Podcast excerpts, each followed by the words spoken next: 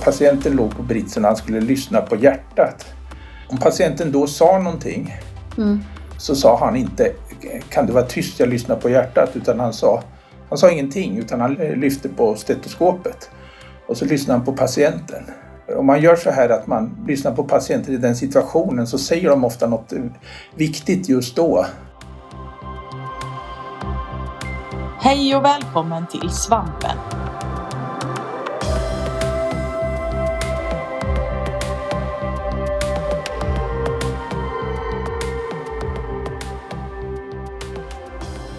Vi är ST-rådet i Svensk förening för allmänmedicin, SVAM. Vi är ST-läkare och nyblivna specialister från hela Sverige och vi vill bidra till att föra allmänmedicinen framåt. I den här poddserien kommer vi att samtala med personer som på olika sätt brinner för att utveckla just sin del av hälso och sjukvården. De är alla eldsjälar och vi är intresserade av att få veta vad det är som driver dem och att lära oss av deras erfarenheter. Välkommen till Svampen!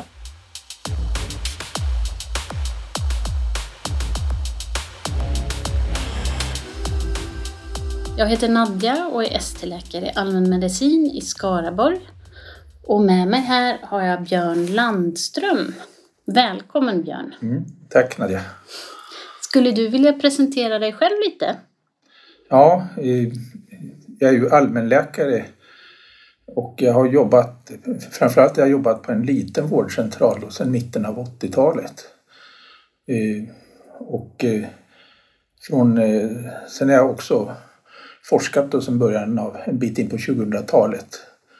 Och skrivit en avhandling som handlar om the good enough GP eller den tillräckligt duktiga allmänläkaren. Och sen 2012 så är jag chef på Skaraborgsinstitutet som är ett forskningsinstitut och det är inte bara primärvårdsforskning utan det är all typ av hälso och sjukvårdsforskning. Och så kan jag också säga att jag är vetenskaplig sekreterare i SVAM eh, sedan ungefär två år. Då kommer jag i kontakt med en hel del primärvårdsforskning eller allmänmedicinsk forskning. Och jag måste ju fortsätta med att ställa samma fråga som vi har ställt tidigare till våra gäster här. Ehm, och det vad brinner du för, Björn? Ja, det kan man väl säga att det är. Eh, det har mycket med den här forskningen att göra och det, det är att allmänläkaren ska ha liksom ett, en arbetsmiljö i vid mening så man kan liksom klara av att jobba som allmänläkare. Så att allmänläkarens arbetsmiljö, och det är ju väldigt mycket allmänläkarens arbetssätt, det har jag intresserat mig för. Ja, började ganska tidigt en bit in på 90-talet så började jag fundera väldigt mycket över det. Hur man ska kunna jobba som allmänläkare överhuvudtaget, hur det ska vara möjligt. Mm. Hur, kan du beskriva din situation då eller vad det var som gjorde att du började tänka i de här banorna? Ja, när jag jobbade då på, på vårdcentralen i Tidan där jag har jobbat huvudsakligen så eh, ja, vi, var, vi var för det mesta bara två stycken, det är visserligen en liten vårdcentral. Men det var väldigt, väldigt mycket att göra och det var liksom varje dag, måndag till fredag, så var det eh, patienter på morgonen och sen var det akutpatienter mellan 10 och 12 och det var nästan alltid åtta stycken. Och sen var det patienter efter lunch och dessförinnan hade vi telefontid en timme och sen, eh, sen var klockan fyra, halv fem och så hade man en del administrativt arbete och så där var det varje dag. Och det blev övertid ibland och det blev, det blev väldigt ansträngande. Mm. Det var liksom, ibland har jag tänkt att det var som ett eh, det var som ett eh, liksom högt betalt löpande bandarbete kändes det som ibland. Fast det var ju i och för sig kanske mer stimulerande förstås. Men, men det, man var, kände sig väldigt mycket i händerna på sjuksköterskorna som bokade patienter. Och de kände sig väl i händerna på patienterna som ringde och behövde träffa en läkare. Så att, så att man var liksom väldigt låst. Mm. Och, och, eh, jag tänkte att alltså det här, så här kan man inte jobba. Det, det här kommer inte hålla. Det var det som eh, födde mina tankar eh, jag fick då tanken att eh, liksom olika allmänläkare, alltså allmänläkare måste ju ha någon sorts strategi för hur de ska göra. Och jag tänker att eh, jag tänkte folk är ju ganska olika ändå. Så att de har väl olika strategier. Så att eh, eh, då så småningom så kom jag på att jag ville undersöka hur olika allmänläkare jobbar. Och det var ju rätt mycket för egen del också. Jag ville veta det. Tänkte jag få något tips. Och eh, jag tänkte att jag skulle kunna beskriva det. Så kan andra ha nytta av det och se hur andra gör. Det var liksom själva drivkraften och den har väl funnits kvar. Att, eh, att undersöka. Jag har överhuvudtaget liksom varit intresserad av just den här positionen, alltså den, eh, vad ska man säga, observerande positionen. För I min, in, i min forskning så, så gjorde jag bland annat så att jag följde med allmänläkare i arbetet. Ungefär som studenter gör på, på läkare, på, när de är studenter, följer med läkare i arbetet. Mm. Så den här liksom iakttagande positionen höll jag på med dels med min forskning men också gjort det på, haft den positionen på när jag åkt till sjukhuset och varit, åkt till kirurgkliniken, varit där några dagar och följt med olika läkare.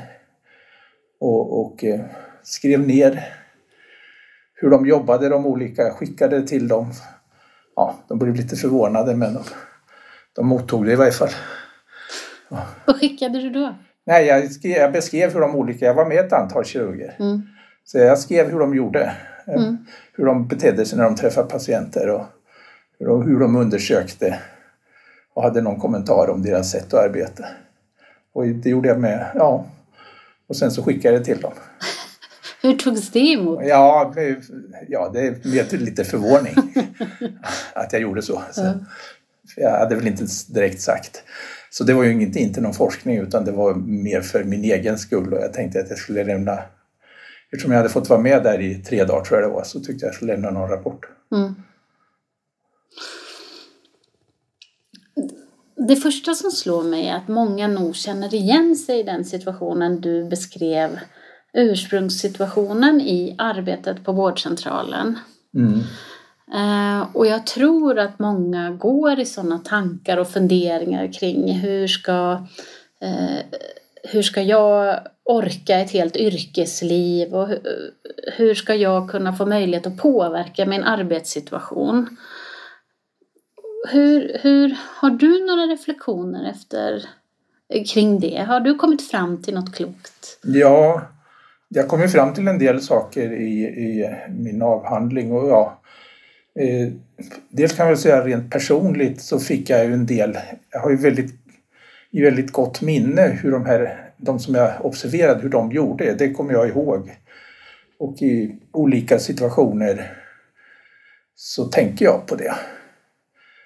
Eh, exempel, bara på att ta ett, ett exempel. Jag var hos en läkare som när, han, eh, när patienten låg på britsen och han skulle lyssna på hjärtat så om patienten då sa någonting, mm. Eh, vilket ju händer ibland, att de liksom, ja, så, så sa han inte kan du vara tyst, jag lyssnar på hjärtat, utan han sa, han sa ingenting utan han lyft, lyft, eh, lyfte på stetoskopet och så lyssnade han på patienten. Och när jag frågade honom om det här sen sa han så att om, om man gör så här att man ja, lyssnar på patienter i den situationen så säger de ofta något viktigt just då. Mm. Det har väl sannolikt något existentiellt att göra med hjärtat och så. Så att han tyckte, han tyckte att han fick reda på viktiga saker just då. Det är en sak jag tänkt på till exempel. Mm. Så att jag har lärt mig saker själv då i arbetet. Eh, sen om man ska säga något generellt som jag lärde mig av det här eller som andra kan lära sig av. De hade ju, de fem läkare som jag har beskrivit, de hade ju de var ju lite utvalda då för att de hade, hade på olika sätt fått reda på att de jobbade på ett bra sätt.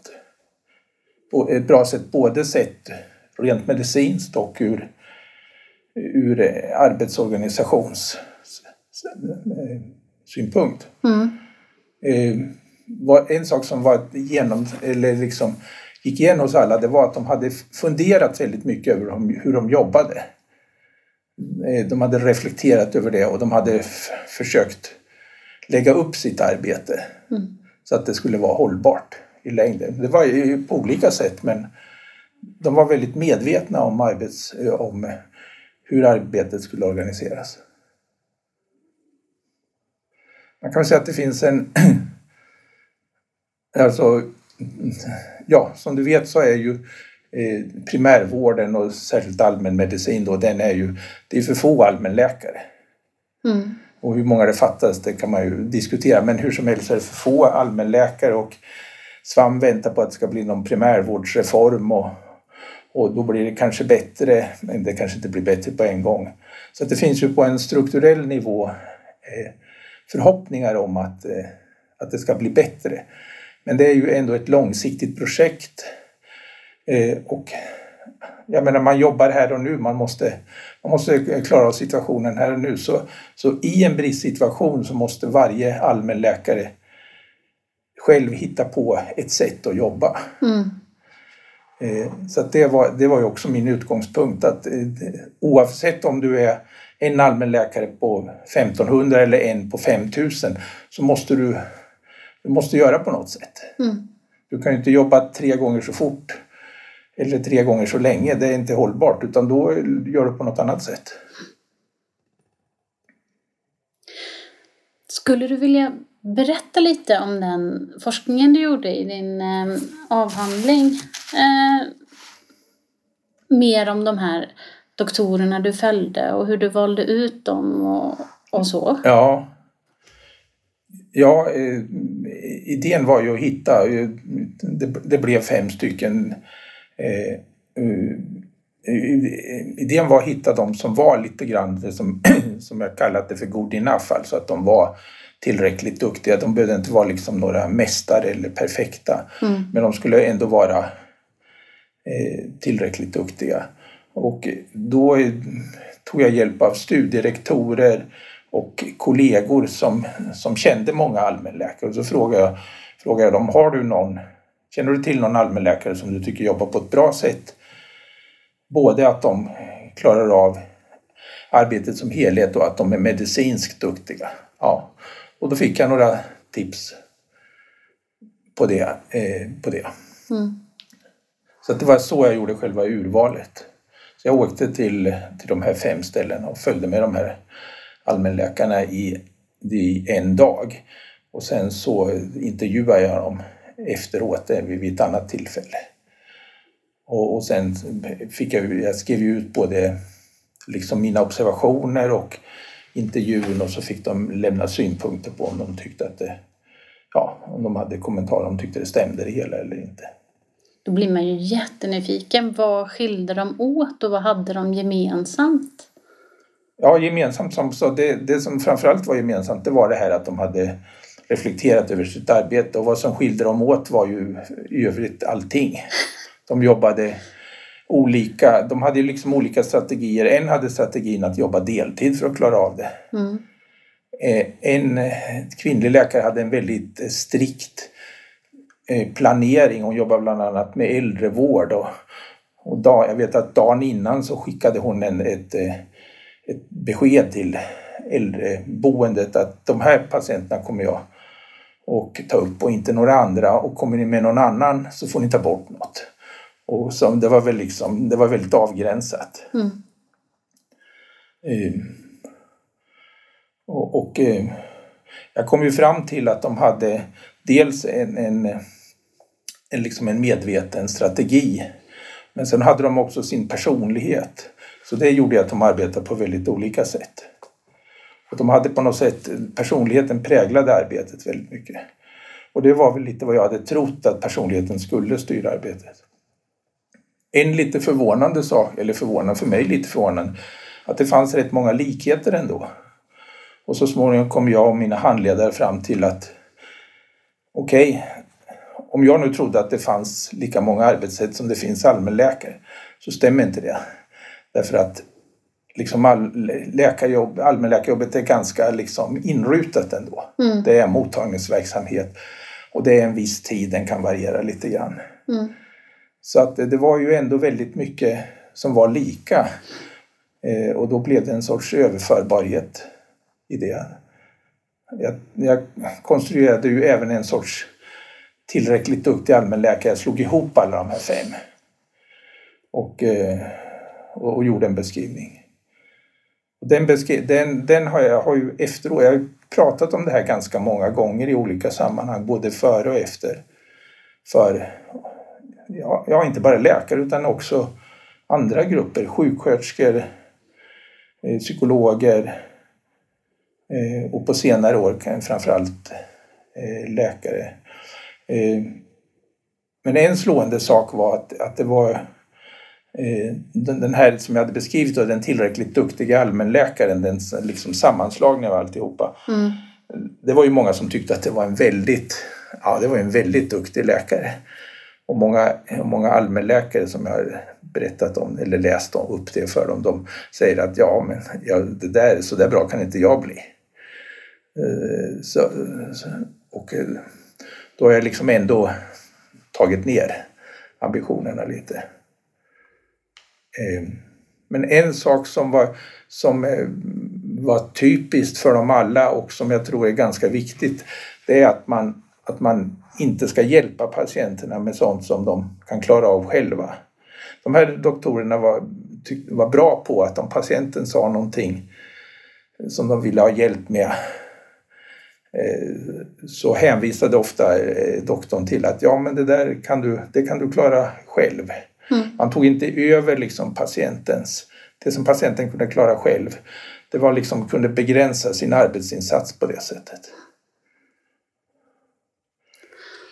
Sen kanske jag säga, jag tror att den, och det inte, kommer inte bara därifrån utan det har liksom från andra håll också en viktig sak för att klara av sitt arbete. Om man tänker sig en patient som sitter och berättar en massa olika saker om olika symptom.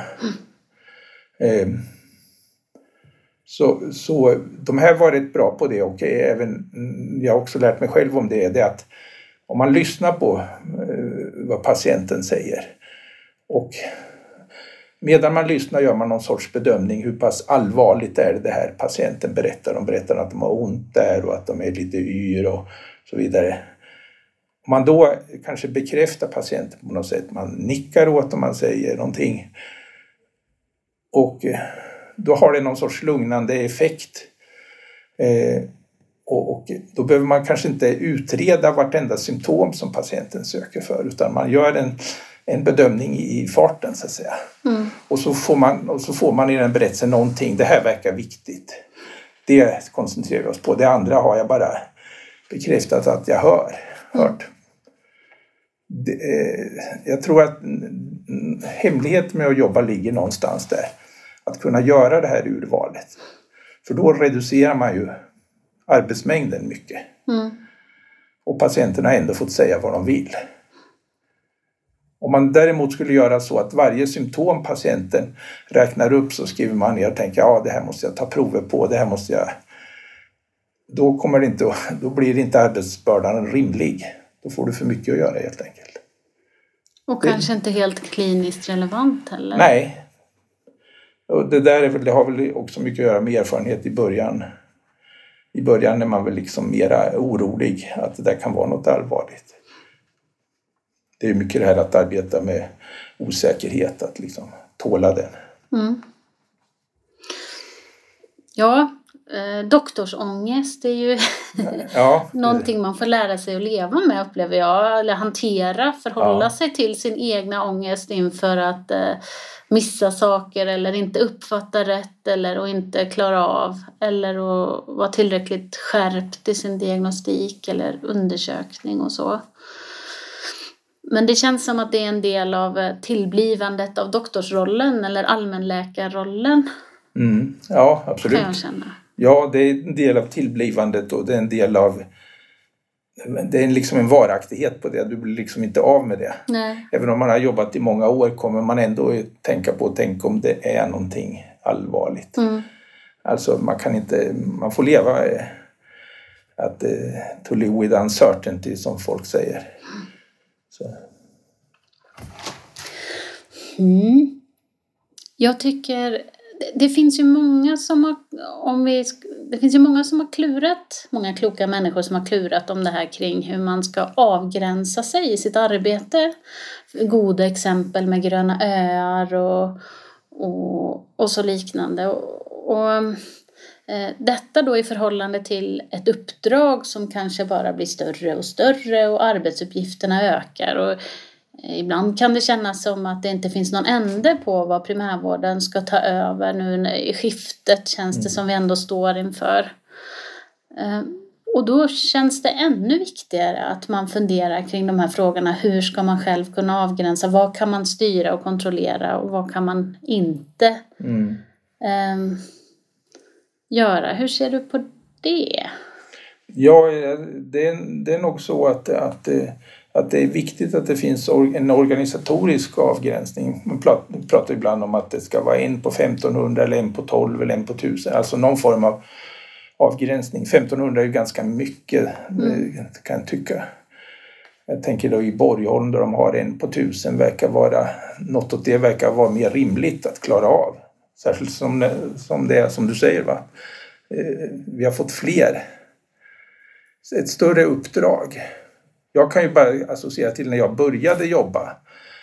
Jag träffade ju fler patienter mm. än när jag liksom har jobbat på senare år. Och eh, det var, det var möjligt att träffa fler patienter. Det var lite lättare. Det, nu är det mera som ska registreras och sådana saker. Och datajournalen, ja, tycker jag personligen har mm, kanske ökat liksom tiden varje patient tar. Mm. Eh, så att eh, så det är liksom den här att det måste strukturellt förändras. SVAM behöver jobba för det, distriktsläkarföreningen behöver jobba för det för att förbättra arbetsförhållandena. Men jag tror aldrig det kommer att räcka. Det är för att hur, hur bra vi än får, och jag tror inte att vi kommer att få så jättebra så att säga. Det, jag menar, läkare behövs på andra ställen och alla politiker inser inte att allmänmedicinen är så pass viktig som den är. Så måste vi hitta egna, egna förhållningssätt. Alltså. Och då tror jag det viktigaste är att man sätter sig ner och funderar hur kan jag jobba på ett hållbart sätt? Eh, och då samtidigt ha en medicinsk säkerhet som är acceptabel. Mm. Eh, men inte vara helgarderad, inte, men att eh, acceptabel. Och då, jag tänker det här gröna öar som du säger, det är väl sådana vårdcentraler där man har ganska bra bemanning. Mm. Och, och de, eh, då har de ju den, liksom, då har de i bästa fall den strukturella förutsättningen. Och, och, och, jag tror, har man en strukturell förutsättning då kan man ju, då kan man ju prata med varann hur man ska klara situationen det är väl också en, en sån här sak som eh, att samarbete, det har ju blivit allt mer varse med åren, det är liksom viktigt inom primärvården. Man måste ha bra samarbete med sina kollegor, man måste ha träffar med dem, ja, tillräcklig tid. Man måste ha bra samarbete med sjuksköterskorna. Man kan inte liksom bara klaga på sjuksköterskorna och säga att de bokar fel och för mycket. Och, utan man måste liksom sätta sig ner och prata med dem vad har du för problem? Eh, kan vi lösa det här på något annat sätt? Kan du ta patienten till dig och jag kommer in och tittar på det som är oklart? Eh, man, måste ha ett, liksom, tror jag, väldigt aktivt samarbete med sjuksköterskorna, hjälpa dem i arbetet. jag tror det är, jag är inte säker på att jag trodde det från början. Jag trodde kanske att allmänläkaren kunde klara sig mer själv, men det, jag tror inte det längre. Det är så pass mycket krav. Så att bra samarbete med distriktssköterskorna, det, eller sjuksköterskorna beroende på hur man organiserat, det tycker jag det är väldigt viktigt. Mm. Det har ju nästan blivit som en, inte en uppgiftsväxling, men vi lägger, vi lägger över ganska mycket ansvar idag på primärvården, på distriktssköterskorna för uppföljning när det gäller sekundärpreventiva insatser och när det gäller mm. uppföljningar. Eh, på min vårdcentral så har vi, eh, görs årsuppföljningarna hypertoni eh, och, och givetvis diabetes och astma KOL.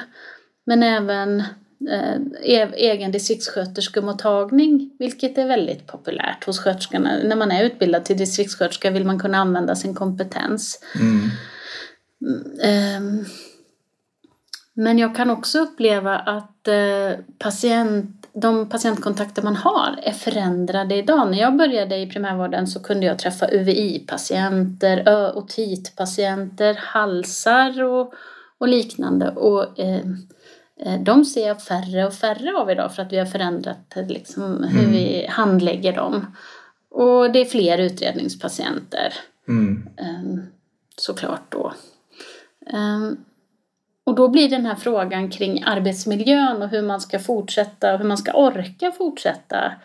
Eh, för att eh, kontinuiteten med att möta samma patient igen och få följa upp den i en bristsituation är ju svår. Mm. Och om man ständigt har nya patienter, eh, hur, och jag tänker på alla de som går in i sin ST som allmänläkare. Mm. Där det också i början är tröskelvärde innan man har lärt känna sin egna mm. lista eller population på vårdcentralen eller så. Och känner sig lite förtvivlad eller jätteglad. Men i många fall så är ju folk lite fundersamma kring hur det ska mm. gå och ska jag klara av det här och så. Min reflektion, eller min fråga är att när jag gör sidotjänstgöringar på sjukhuset så är ytorna, kontaktytorna för att träffa andra doktorer mycket större inom de sjukhusspecialiteterna än i våran allmänläkarspecialitet. Mm. Eh, man har kanske ett läkarmöte i veckan om man har tur. Mm. Eh, men sen är det inte så många andra tillfällen förutom sin handledningstimme som man har. Vad kan du ge för råd och tips i vardagen kring det? Ja, det är ju helt, jag håller med om din beskrivning att eh, jag har också både lagt märke till och hört om många att liksom antalet lätta patienter, mindre sjuka patienter, de går till distriktssköterskorna och inte till läkarna. Och det betyder att läkarna får ett, kanske inte fler patienter, men de får liksom lite svårare patienter. De lättare patienterna går till sköterskorna och de tyngre går till läkarna. Eh, och det är ju inte riktigt tanken med ett allmänläkarsystem där man ska ha kontinuitet för man ska ju träffa, träffa patienten vid olika tillfällen. Det finns ett värde i att träffa dem när de är lättare sjuka också. Eh, då kan man säga att ja, då måste vi vara tillräckligt många för att det ska gå. Alltså idealt, jag tror det vore väldigt bra om vi kunde träffa dem inte bara ta, ta det tunga utan också det lätta. Det gör ju också att arbetet blir roligare och en del av det här lätta är, är ju inte alltid så lätt heller. Mm. Läkarna är ju bättre på att bedöma om det är något allvarligt än vad sjuksköterskorna är. Sjuksköterskorna är ju inte särskilt utbildade i diagnostik. Det är ju det som läkarna är utbildade i, differentialdiagnostik. Så att det, på sätt och vis så blir det ju liksom en kvalitetsförsämring. Och, och det blir mer, det blir mer schemalagt sett hur man, eh, hur man behandlar patienterna. Det är enligt en viss mall. Det, det tror jag också är riskabelt egentligen. Eh, men eh, jag förstår att det här kan vara nödvändigt under en övergångstid men idealt sett så borde vi ju sträva efter att kunna träffa patienterna oftare. Kanske inte jämt, alltså jag tycker att sköterskorna behövs också. Mm. De är jättebra när det gäller till exempel diabetes, hypertoni och astma som du sa. Då, de kan vara lika bättre eller åtminstone lika bra som vi på livsstilsfrågor. Men, men det, där, det här är ju uppenbarligen Eh, ett problem. Jag tycker att man som ung läkare, ja, man ska försöka komma på ett ställe där det ska inte vara för dålig bemanning för då, då går det nästan inte att göra hur man än bär sig åt. Eh, och, men man ska liksom kräva att få träffa alla typer av patienter. Och, och sen att man ibland kan eh, samarbeta, man kan ha en patient tillsammans med sköterskan. Mm. Sköterskan tar patienten till sig och så går man in och tittar på dem. Så att de inte får för svåra patienter. Jag vet en sköterska en gång sa till mig att när det var en väldigt akut bristsituation. Ja, vi, jag tog in den här patienten Myrsel och så gjorde jag ett neurologstatus. Och då sa jag till henne, ja men du kan inte göra ett neurologstatus. Nej, men jag gjorde så gott jag kunde. Så, så, så att det, det, det, det, det, var ju väldigt liksom hjälpsamt. Men det är ju inte, det är ju inte liksom rimligt Nej. att göra det. Så, mm. eh, så att, men jag tror på en, vård, på en vårdcentral så måste ju kollegorna sätta sig ner tillsammans. Hur ska vi jobba?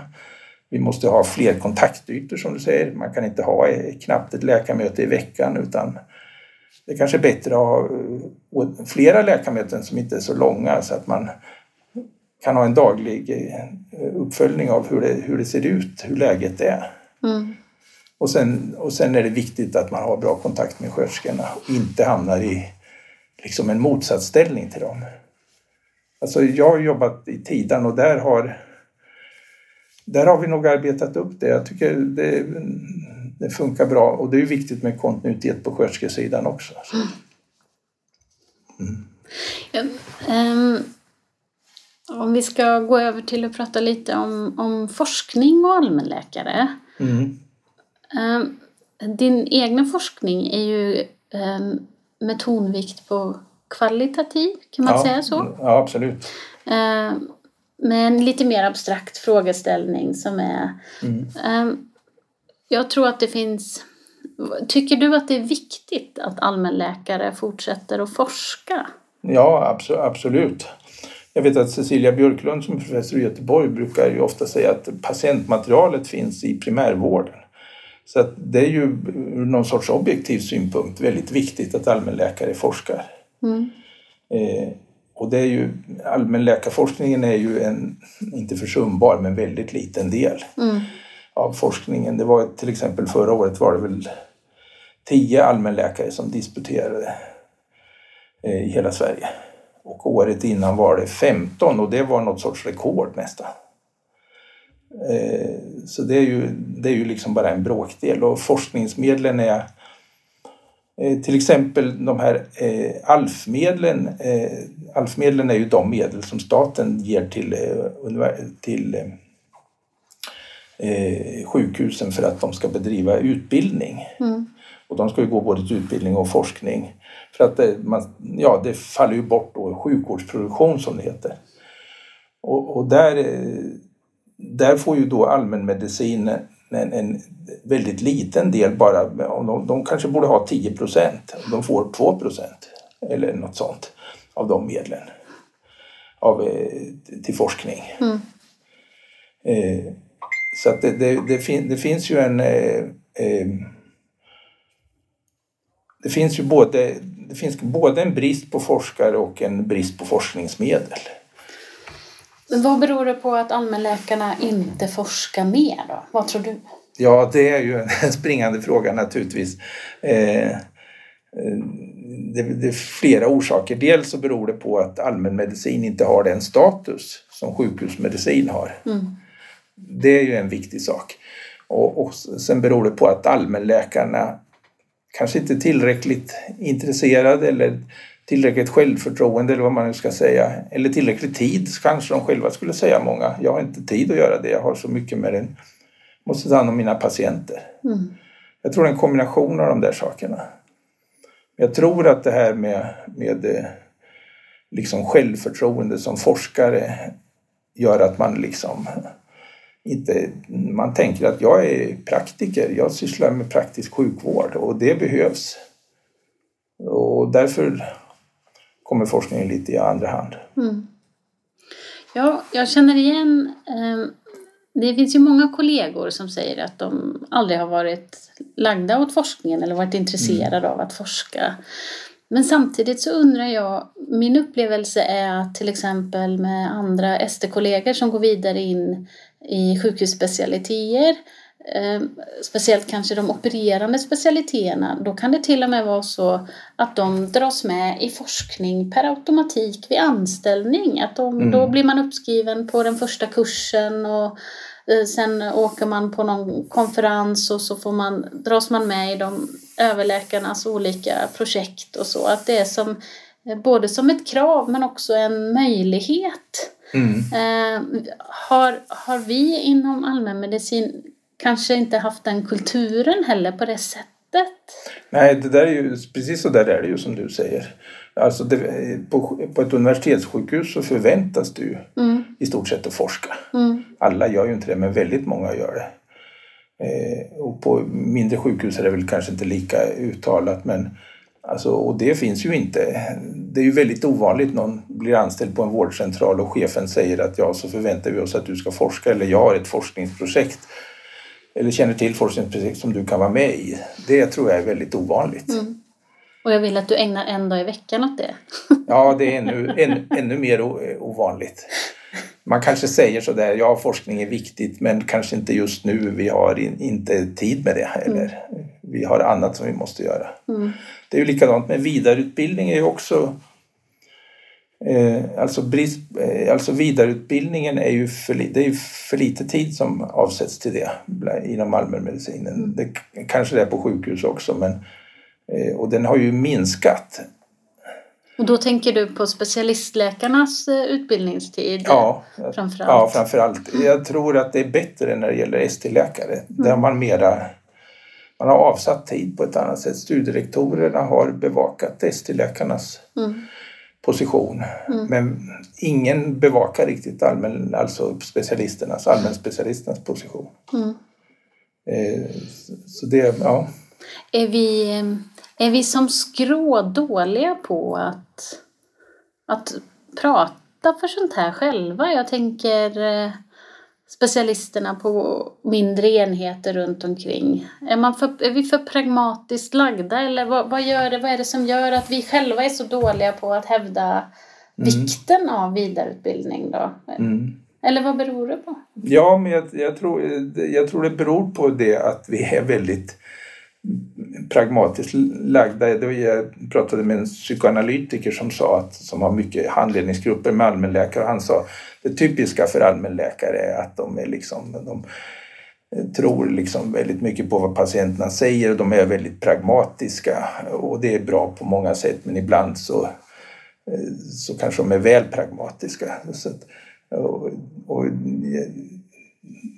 jag, jag tror att det, professionen GP, General Practitioner, alltså den är, den, det är det många vill vara.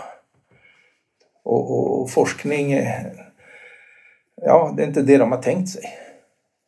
Sen är det ju så att om man, man håller på ett tag så upptäcker man ju någonting. Till exempel att jag upptäckte att det här med hur ska man klara av jobbet? Och andra upptäcker ju andra saker. Det är, eh, hur, hur, hur ska vi egentligen sköta om kol Cool och eh, hur, hur kan man använda något digitaliseringsverktyg i, i, i, i vården?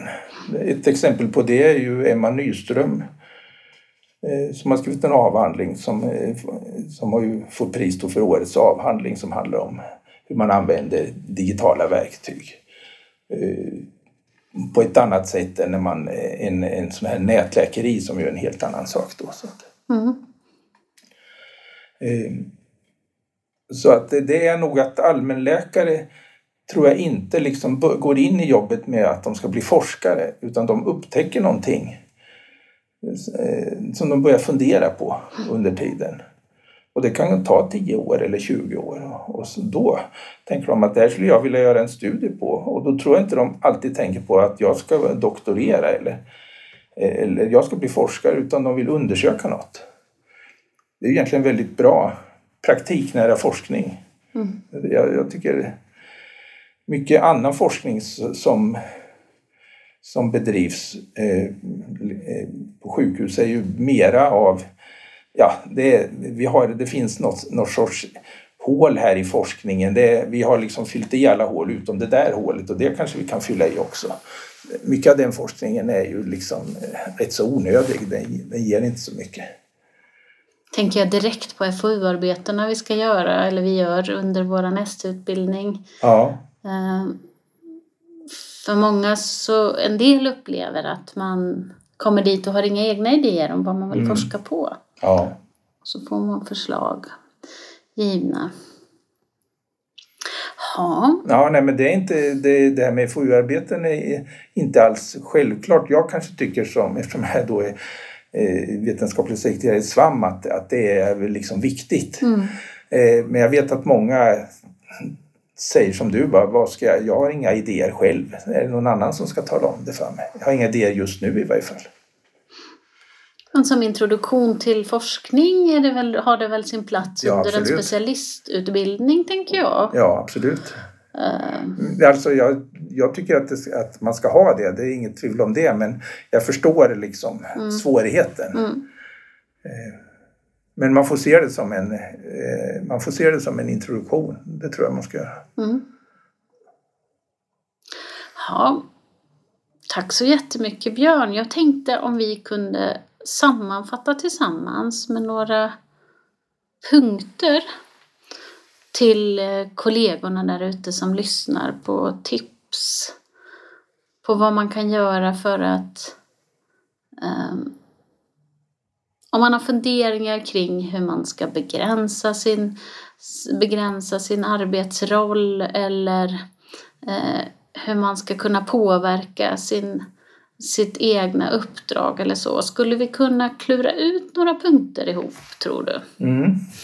Eh, jag tycker eh, det är liksom utgångspunkten för att man ska förbättra sin arbetssituation eller göra någonting åt sin arbetssituation. Det är att man måste liksom ifrågasätta sin egen arbetssituation och då, då måste man försöka utifrån se hur, hur jobbar jag egentligen och hur är det här?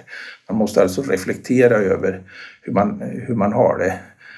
Eh, gör man, inte, gör man inte det då är liksom ingenting annat eh, av betydelse. Då kommer det inte att bli någonting ändå. Så att det måste du göra. Du måste försätta dig i en sorts reflekterande position. Det, det är grundläggande. Sen tycker jag att det viktigaste inom sjukvården och särskilt inom allmänmedicin det är ju mötet med patienten. Och, och eh, det, tror, det tror jag de flesta allmänläkare vet och kan man, hur man lyssnar på en patient, att man inte avbryter dem och så vidare, i, i varje fall inte i början. Och eh, i mötet ingår ju också kroppsundersökningen och den är väldigt eh, viktig. Dels för att, dels för att den ger, ger information om de symptom patienten eh, söker för och dels, dels för att liksom, ja, man ska säga att patienten är en kropp och inte bara liksom ett, en hjärna eh, Eh, utan eh, det, det är kroppen som lider så den måste finnas med i mötet. Eh, så, så kroppsundersökningen är, är väsentlig. Sen den tredje saken det är ju liksom att man ska ha, ha bra samarbete med andra. Det kanske du formulerar det bra. Nadja. Ja, ja, ja, men vi pratade om vikten av att kunna att öva på sin kommunikation. Att, att eh, prata dels med kollegor, skapa kontaktytor om det saknas. Att kanske det kan vara värt att ta sig tid att prata med kollegorna på vårdcentralen. Det kan vara både läkarkollegorna men också sköterskegruppen och upplever man eh, att man har någonting som man har kommit fram till när man reflekterar eller att man har någon fundering eller så, då kan det ju vara bra att kommunicera ut den. Men även att skapa sig ett nätverk kan jag känna Mm. med kollegor utanför. Mm. Och, få, och kunna få bolla med andra människor eh, kring hur, hur de upplever. För det känns som att vi ofta står med liknande frågor Mm. och liknande problemställningar kollegor emellan. Eh, En vårdcentral uppe i Norrland kan ha en doktor som jobbar där kan ha funderingar som är lika med en doktor som jobbar på vårdcentral i Tiden. Mm. Absolut. Eh, Så att, eh, att försöka skapa sig nätverk Ja. och njuta av allt det roliga i arbetet. Ja, precis. Ja, när, när det, det är ju ofta det är ett väldigt eh, ro- roligt arbete och det är ju väldigt självutvecklande också. Det är ju ett privilegium att få prata med människor med olika erfarenheter. Det, Eh, det är inte många yrken som har det privilegiet. Så på så sätt tycker jag att allmänmedicin är ett eh, väldigt bra jobb och ett, ett internationellt jobb som det finns ju stora likheter med många länder. Så man, man, eh, där det liksom det är mötet med patienten. Om man nu har funderat på det här kring forskning då Björn och känner sig att man inte vet riktigt men ändå har blivit lite mer eh, sugen eller fundersam eller intresserad. Vad, då vänder man sig till sin lokala FoU-enhet eller vad gör man då? Ja, precis. Det, det, det är precis det man ska göra. Man ska vända sig till sin lokala FoU-enhet. Jag har faktiskt nyligen skrivit eh, eh, ett, en lite kort text som finns på Svams hemsida under forskningsrådet. Och där står det vad, hur man börjar forska. Och där står det att man ska vända sig till sin FoU-enhet eller till Svams forskningsråd eller, eller till den vetenskapliga sekreteraren säga till mig. No, eller, men allra helst så vänder man sig till någon som finns i ens närhet. Då. Det tycker jag. Mm, det var bra att vi fick till det också. Ja. ja, då vill vi tacka för oss idag. Tack så jättemycket Björn för att ja. du ställde upp. Tack, tack Nadja för bra frågor och bra inlägg.